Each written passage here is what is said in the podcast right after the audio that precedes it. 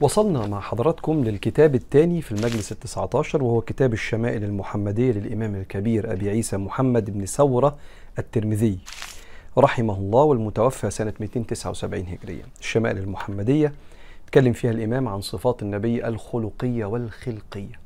خلق النبي عليه الصلاة والسلام وشكل مقتنيات النبي وخلق النبي ومعاملته عليه الصلاة والسلام.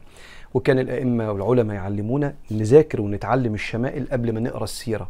لأنك تفهم النبي أكتر وتتعلق بيه أكتر لما تقرأ الشمائل ثم تقرأ قصة حياته وأنت فاهم من هو رسول الله صلى الله عليه وسلم. قال الإمام الترمذي رحمه الله ونفعنا الله بعلومه وعلومكم في الدارين آمين. باب ما جاء في عبادة رسول الله صلى الله عليه وسلم. قال عن المغيرة بن شعبة رضي الله عنه قال قام رسول الله صلى الله عليه وسلم يعني صلى قيام الليل قام رسول الله صلى الله عليه وسلم حتى انتفخت قدماه.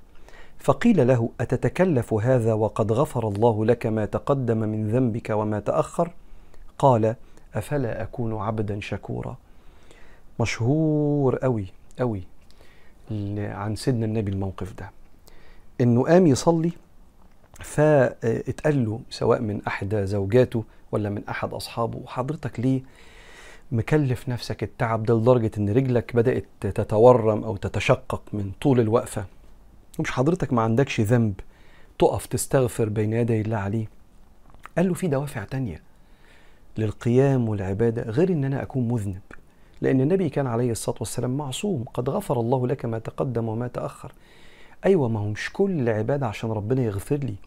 في حب وفي إقبال وفي اشتياق وفي معاني نبوية إحنا ما نعرفش نفهمها لأن قلب النبي هو قلب النبي عليه الصلاة والسلام.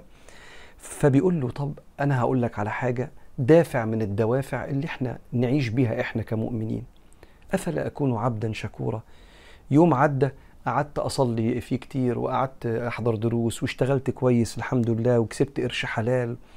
وكان يوم هادئ ما فيهوش معاصي. قبل ما انام بدل ما أقول على فكرة عملت لربنا كده زي الفل بقى. سيبني بقى يا رب أعيش حياتي شوية. لو هتعيش حياتك في المباح براحتك. إحنا كلنا كده. لما اليوم بيبقى حلو علينا تحس إنك بالليل عايز تكافئ نفسك كده وتتدلع. وده شيء جميل. يعني ساعة وساعة زي ما سيدنا رسول الله عليه الصلاة والسلام قال لسيدنا حنظلة يوم ما كان معاه في الدرس وقعد يبكي وهو بيسمع عن الجنة والنار. رجع قعد يهزر مع مراته ويحسب كده فلوسه قد إيه ويلعب عياله. قال إيه النفاق ده أبقى مع النبي يحدثنا عن الجنة والنار فكأننا نراها رأي العين ثم نذهب فنلاعب الأولاد ونحسب الضيعات.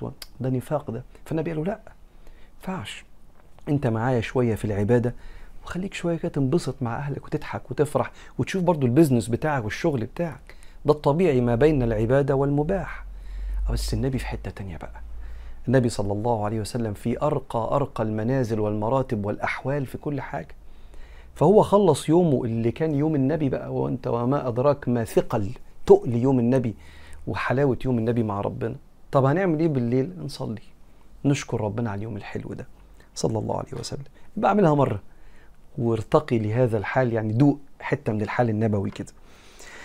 ثم عن الأسود بن يزيد قال سألت عائشة رضي الله عنها عن صلاة رسول الله صلى الله عليه وسلم بالليل فقالت كان ينام أول الليل ثم يقوم فإذا كان من السحر أوتر ثم أتى فراشه فإذا كان له حاجة ألم بأهله فإذا سمع الأذان وثب فإن كان جنبا أفاض عليه من الماء وإلا توضأ وخرج إلى الصلاة. الأسود بن يزيد بيسأل السيدة عائشة عن حال النبي في البيت بالليل بيعمل إيه. فبتقول له كان أول ما الليل يجي بعد العشاء كده ينام شوية وبعدين يصحى يقعد يصلي يصلي يصلي لغاية السحر الوقت اللي هو قبل طلوع الفجر يقوم. يوتر صلى الله عليه وسلم لسه في شوية على الفجر وبعدين ينام كده شوية في سريره فإذا كان أراد العلاقة الزوجية مع زوجته شوف الألفاظ جميلة إزاي. فإذا كان له حاجة ألم بأهله أي اقترب من زوجته صلى الله عليه وسلم. فإذا سمع الأذان لما الفجر يأذن وثب يعني قام بسرعة. فإن كان جنبا لو كان صلى الله عليه وسلم يحتاج إلى الغسل أفاض عليه من الماء وإلا توضأ لو ما كانش على جنابة وإلا توضأ وخرج إلى الصلاة. صلى الله عليه وسلم. أدي شكل ليل للنبي للناس اللي بتدور على الاقتداء وتقليد النبي عليه الصلاة والسلام. عن ابن عباس أنه أخبره أنه بات عند ميمونة وهي خالته. ستنا ميمونة بنت الحارث زوجة النبي عليه الصلاة والسلام كانت خالة سيدنا ابن عباس ابن عم النبي عليه الصلاة والسلام. قال فاضطجعت في عرض الوسادة واضطجع رسول الله صلى الله عليه وسلم في طولها. فنام رسول الله صلى الله عليه وسلم حتى انتصف الليل. ابن عباس ابن عم النبي ابن سيدنا العباس عم النبي. عبد الله بن عباس من كبار الصحابة.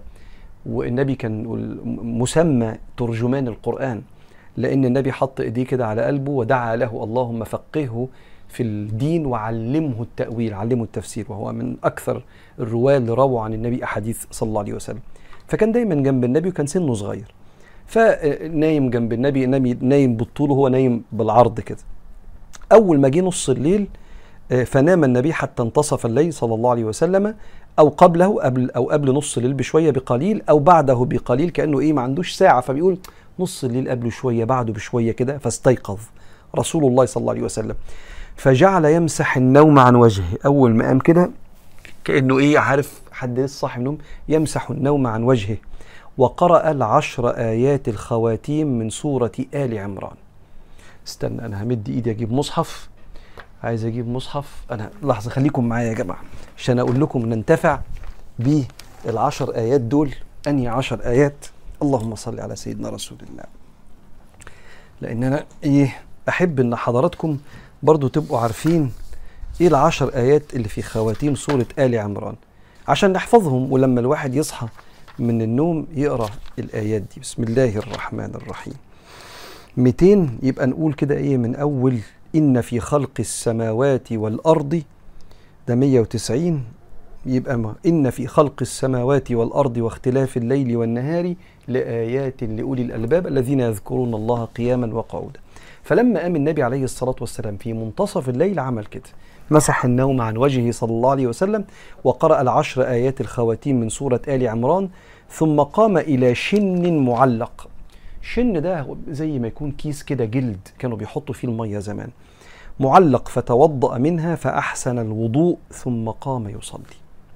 قال عبد الله بن عباس فقمت إلى جنبه. فوضع رسول الله صلى الله عليه وسلم يده اليمنى على رأسي ثم أخذ بأذني اليمنى ففتلها فصلى ركعتين ثم ركعتين ثم ركعتين. الحديث ده مشروح أو ليه رواية أخرى إن سيدنا عبد الله بن عباس لما سيدنا رسول الله عليه الصلاة والسلام قام يصلي بدل ما يصلي هو ابن عباس كمأموم ورا النبي على اليمين كعادة السنة وقف على الشمال. فسيدنا النبي عليه الصلاة والسلام حط إيده على رأسه كده بالراحة كده إيه على ودانه كده ففتلها كأنه صلى الله عليه وسلم بيطمنه إن مفيش حاجة. أنا بصلي جنب النبي النبي يحط إيده عليا هو أنا غلطت ولا إيه؟ لا مفيش حاجة. بس تعالى أقف الناحية الثانية عشان هو كان واقف على الشمال مش عن اليمين. فصلى النبي صلى الله عليه وسلم ركعتين ثم ركعتين ثم ركعتين ثم ركعتين ثم ركعتين ثم ركعتين. ست مرات. ثم اضطجع ثم أوتر صلى ركعة الوتر. ثم اضطجع حتى جاء المؤذن فقام فصلى ركعتين خفيفتين ثم خرج فصلى الصبح. آدي يا سيدي صلاة سيدنا النبي صلى الله عليه وآله وسلم. قال عن ابن عباس رضي الله عنه كان النبي صلى الله عليه وسلم يصلي من الليل ثلاثة عشرة ركعة. 13 ركعة وورد غير كده إنه كانوا برضو 11 ركعة ورد أكتر من حديث عن النبي عليه الصلاة والسلام وعن صلاة النبي صلى الله عليه وسلم. كانت قيام الليل ركعتين ركعتين ركعتين ركعتين وساعات كان يصلي الشفع ركعتين ثم الوتر ركعة أو الشفع والوتر ثلاث ركعات ورا بعض من غير تشهد في النص. زي المغرب من غير تشهد في النص. وعن محمد بن سيرين عن أبي هريرة رضي الله عنه عن النبي صلى عن النبي صلى الله عليه وسلم قال إذا قام أحدكم من الليل فليفتتح صلاته صلاته بركعتين خفيفتين. لو هتصلي ركعات كتيرة افتتح القيام الليل بركعتين خفيفتين. ما تبدأش بالطويل ابدأ بخفيفتين لغاية ما يعني كده قلبك يدخل في الصلاة ثم طول بعد كده لو أنت عايز. تعالوا نقف هنا في باب ما جاء في عبادة رسول الله. ونكمل إن شاء الله المرة القادمة في المجلس القادم. والحمد لله.